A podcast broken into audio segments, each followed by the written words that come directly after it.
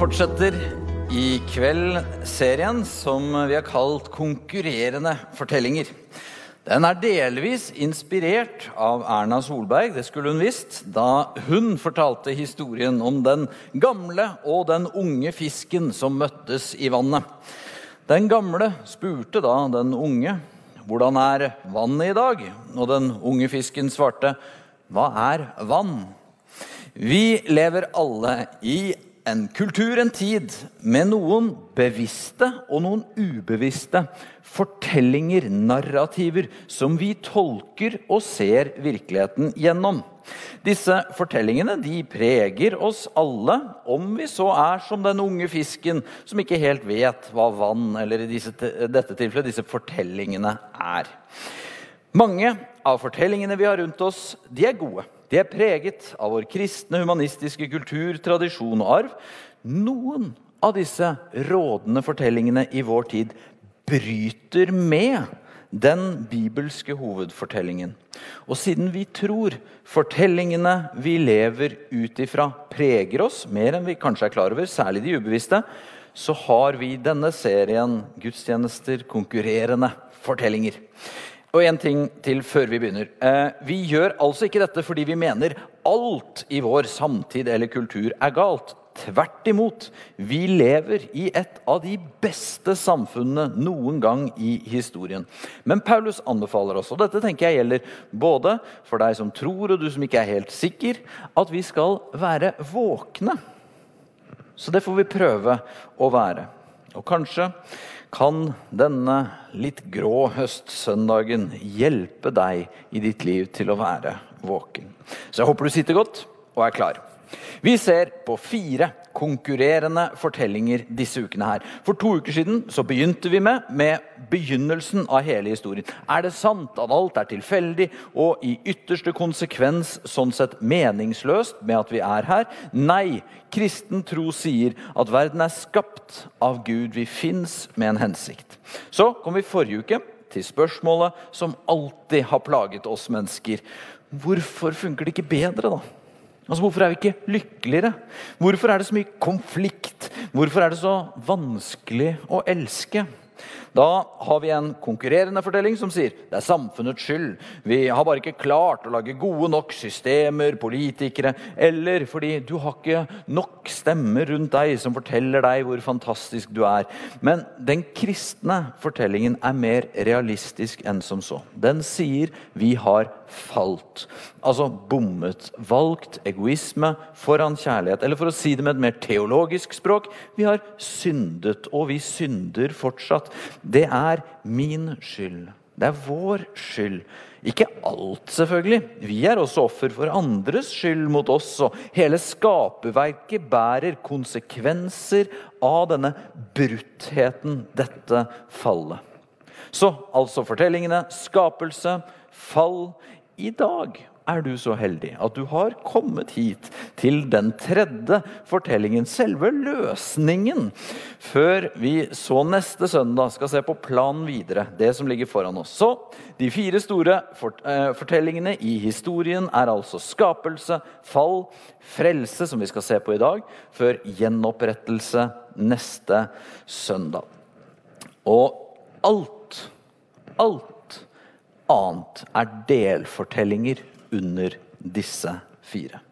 Så hvis utgangspunktet var godt, vi er skapt, men vi har valgt det onde, fallet, og verden nå ikke funker som den skal, hva er løsningen? La oss begynne med den konkurrerende fortellingen. Vår tid og kulturs svar på det spørsmålet. Det fins flere svar, men det kanskje mest dominerende er dette. Det er et utfordrende, men logisk svar på våre problemer i den falne verden, og det er vi må bli flinkere. Eller som rektor i TV-serien Zombie-Lars sier om Frognerparken. Den er en skog som har tatt seg sammen. Så hvordan blir vi flinkere? Hvordan tar vi oss sammen som Frognerparken? Jo, vi setter oss mål, og så arbeider vi mot å nå disse målene. Vi tar ansvar for å realisere oss selv, som vi pleier å si. Selvrealisering. For enkelhets skyld så kan vi dele målene vi har på tre nivåer. Personlige mål, idealistiske mål og religiøse mål. De personlige målene det er jo de som er nærmest oss selv. Åste Dokka skriver i sin lesverdige bok 'Leve vanskeligere' at den som vil selge sine varer, kan ganske enkelt love oss at vi vil lykkes. Selvhjelpsbøker, dietter, meditasjonsprogrammer, livsstilsblader, nye boliger, treningsstudioabonnementer, etterutdanninger, systematiseringsverktøy, ryddehjelp Og sånne lister blir så lange. For det er jo så mye vi gjerne skulle ønske at vi var. Og så er det da sånn at noen av disse målene når vi ikke. Og da smaker vi på skuffelsen over det livet som ikke ble som vi hadde håpet. Andre mål når vi. Og, og, så tror vi underveis til målene at hvis jeg bare får til dette, da blir jeg lykkelig. Men så er det som når man går i fjellet med barn, eller egentlig alene også, at når man tror man har nådd den toppen som var foran deg, så er det bare enda en topp bak og enda en. Og, og livet er altså sånn både om vi mislykkes eller lykkes i å nå de personlige målene våre, så er vi aldri fremme. Nabo kjøpte ny bil forrige uke. Samme kveld var vi i marka. og Han måtte si han var litt skuffa over hvor fort gleden over denne nye bilen hadde gått over. Og Sånn er det jo. Vi kan glede oss over ny bil, utdanning, trening, ferier, mange andre gode ting i livet. Men så skjønner vi jo at hvis hele min horisont av et vellykket liv er at brudekjolen fortsatt passer når du er 50, eller at folk snur seg etter bilen din, eller at stua di er et interiørmagasin, eller at doktorgraden er på plass, så kan vi ha godt av å rette blikket litt utover oss selv. Jeg sa dette på en av de andre gudstjenestene i dag, og da var det to stykker som satt ved siden av hverandre. Hun ene jobbet med interiørdesign, og hun andre hadde akkurat levert doktorgraden sin, så de lurte på om jeg liksom var ute etter dem, men det var jeg ikke. Men er da løsningen at vi flytter fra de personlige målene til mer idealistiske mål? Det føles jo bedre hvis vi ikke bare jobber for vår egen rikdom, kropp, rykte, men gjør noe for andre. Men skal vi være helt ærlige, hva skjer med idealene våre over tid? Du tok kanskje en jobb for å gjøre verden bedre. I helsevesenet, sosialtjenesten, kirke. Enten betalt eller en frivillig. Og så kan vi oppleve sakte og umerkelig så glir fokuset vårt.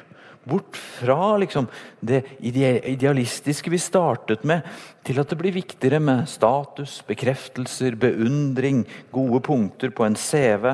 Dokka skriver om dette her. Begjæret vårt endrer siktemål. Vi blir lurt av en trojansk hest som uten å vekke oppsikt har sneket seg forbi murene våre med buken full av nye lengsler. Så de personlige målene kan hjelpe oss til et visst punkt, men det kommer alltid så mange nye fjelltopper. De idealistiske målene kan være fromme, de, men blikket vårt glir så lett tilbake på våre egne behov og mål. Og det fins mange mennesker som jobber med idealistiske saker i livet sitt, som likevel er utilfredse, selvopptatte mennesker. Hva da om vi gjør målene våre religiøse? Altså alle målene vi setter, hvis de blir at vi er så gode mennesker som Gud vil vi skal være. I en storm for mange år siden trodde en ung mann i Tyskland at hans siste time var kommet. I fortvilelse så ba han til Gud og tryglet Gud, om du redder meg i natt, så, så blir jeg prest. Det er jo bare om det står om livet at noen kan vurdere sånne yrker, liksom. Men mannen ble prest, eller faktisk ble han munk i en av den katolske kirkes strengeste ordener. Og han var ivrig. Han jobbet, han ba, han leste mer enn noen andre. Og etter hvert ble han professor i teologi.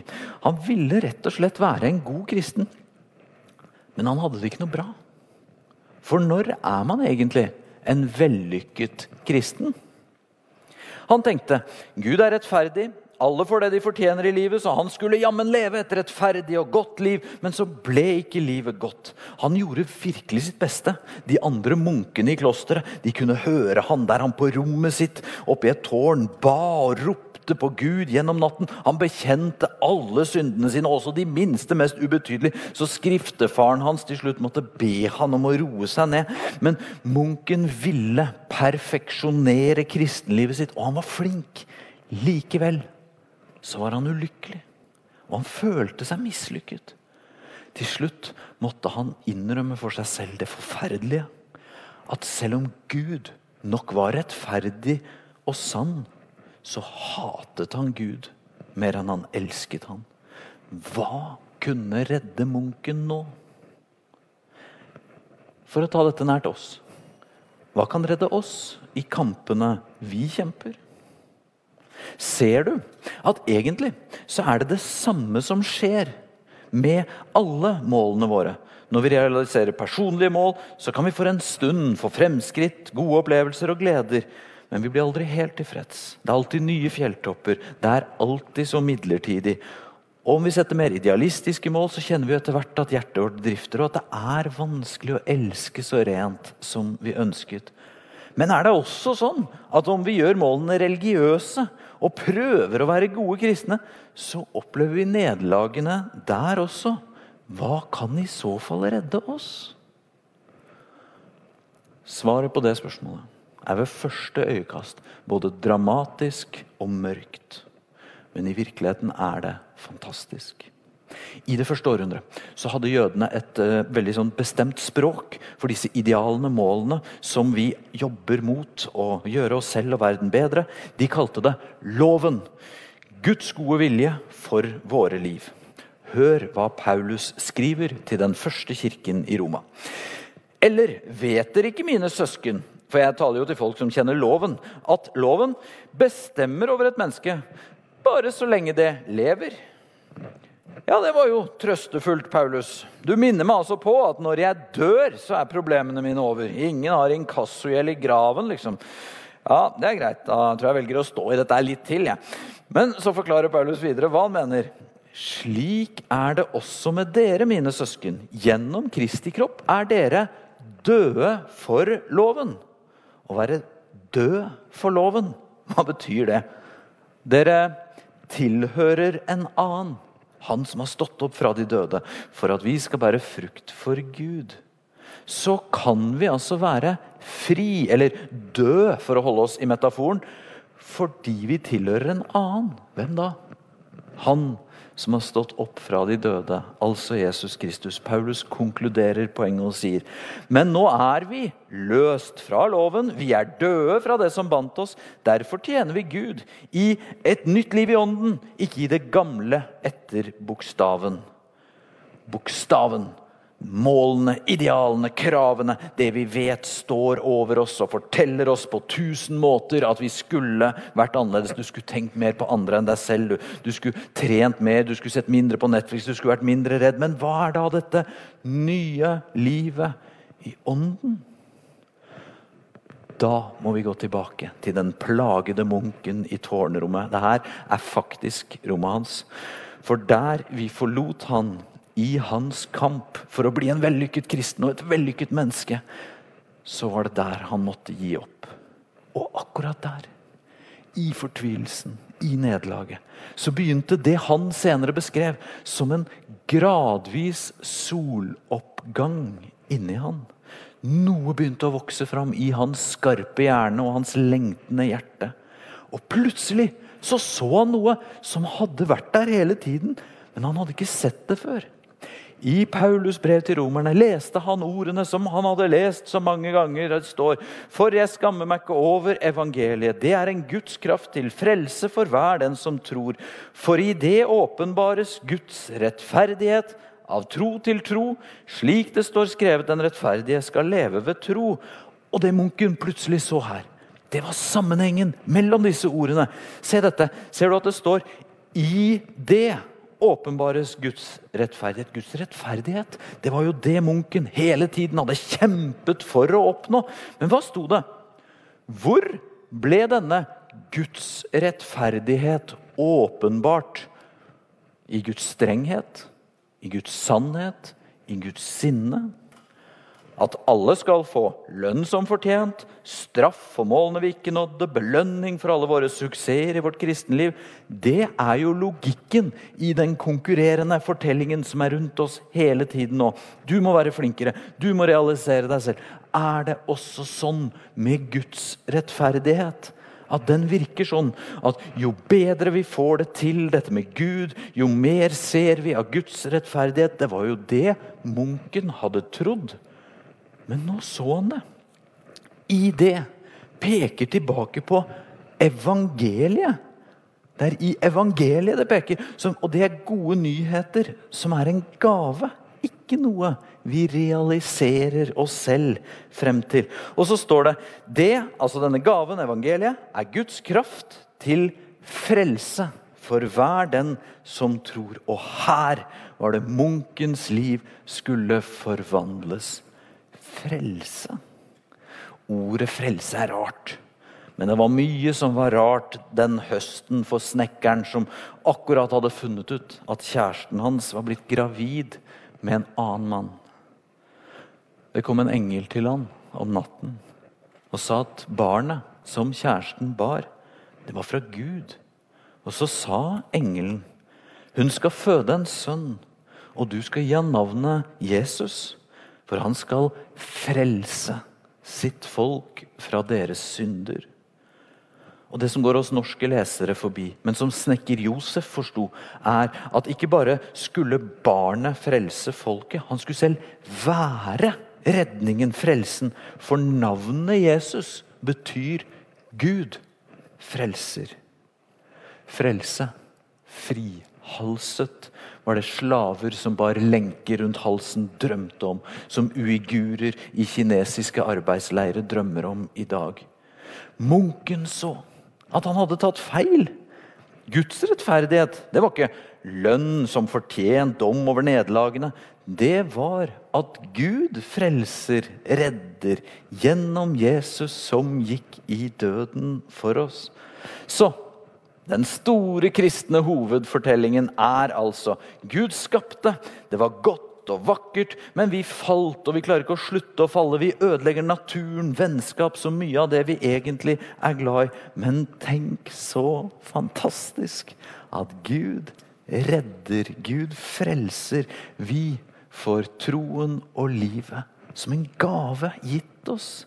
Og her står konkurransen mellom fortellingene og dirrer i våre liv. Den moderne selvrealiseringsfortellingen som sier du reddes, frelses i livet hvis du når målene dine, hvis du blir en suksess. Opp mot frelsesfortellingen.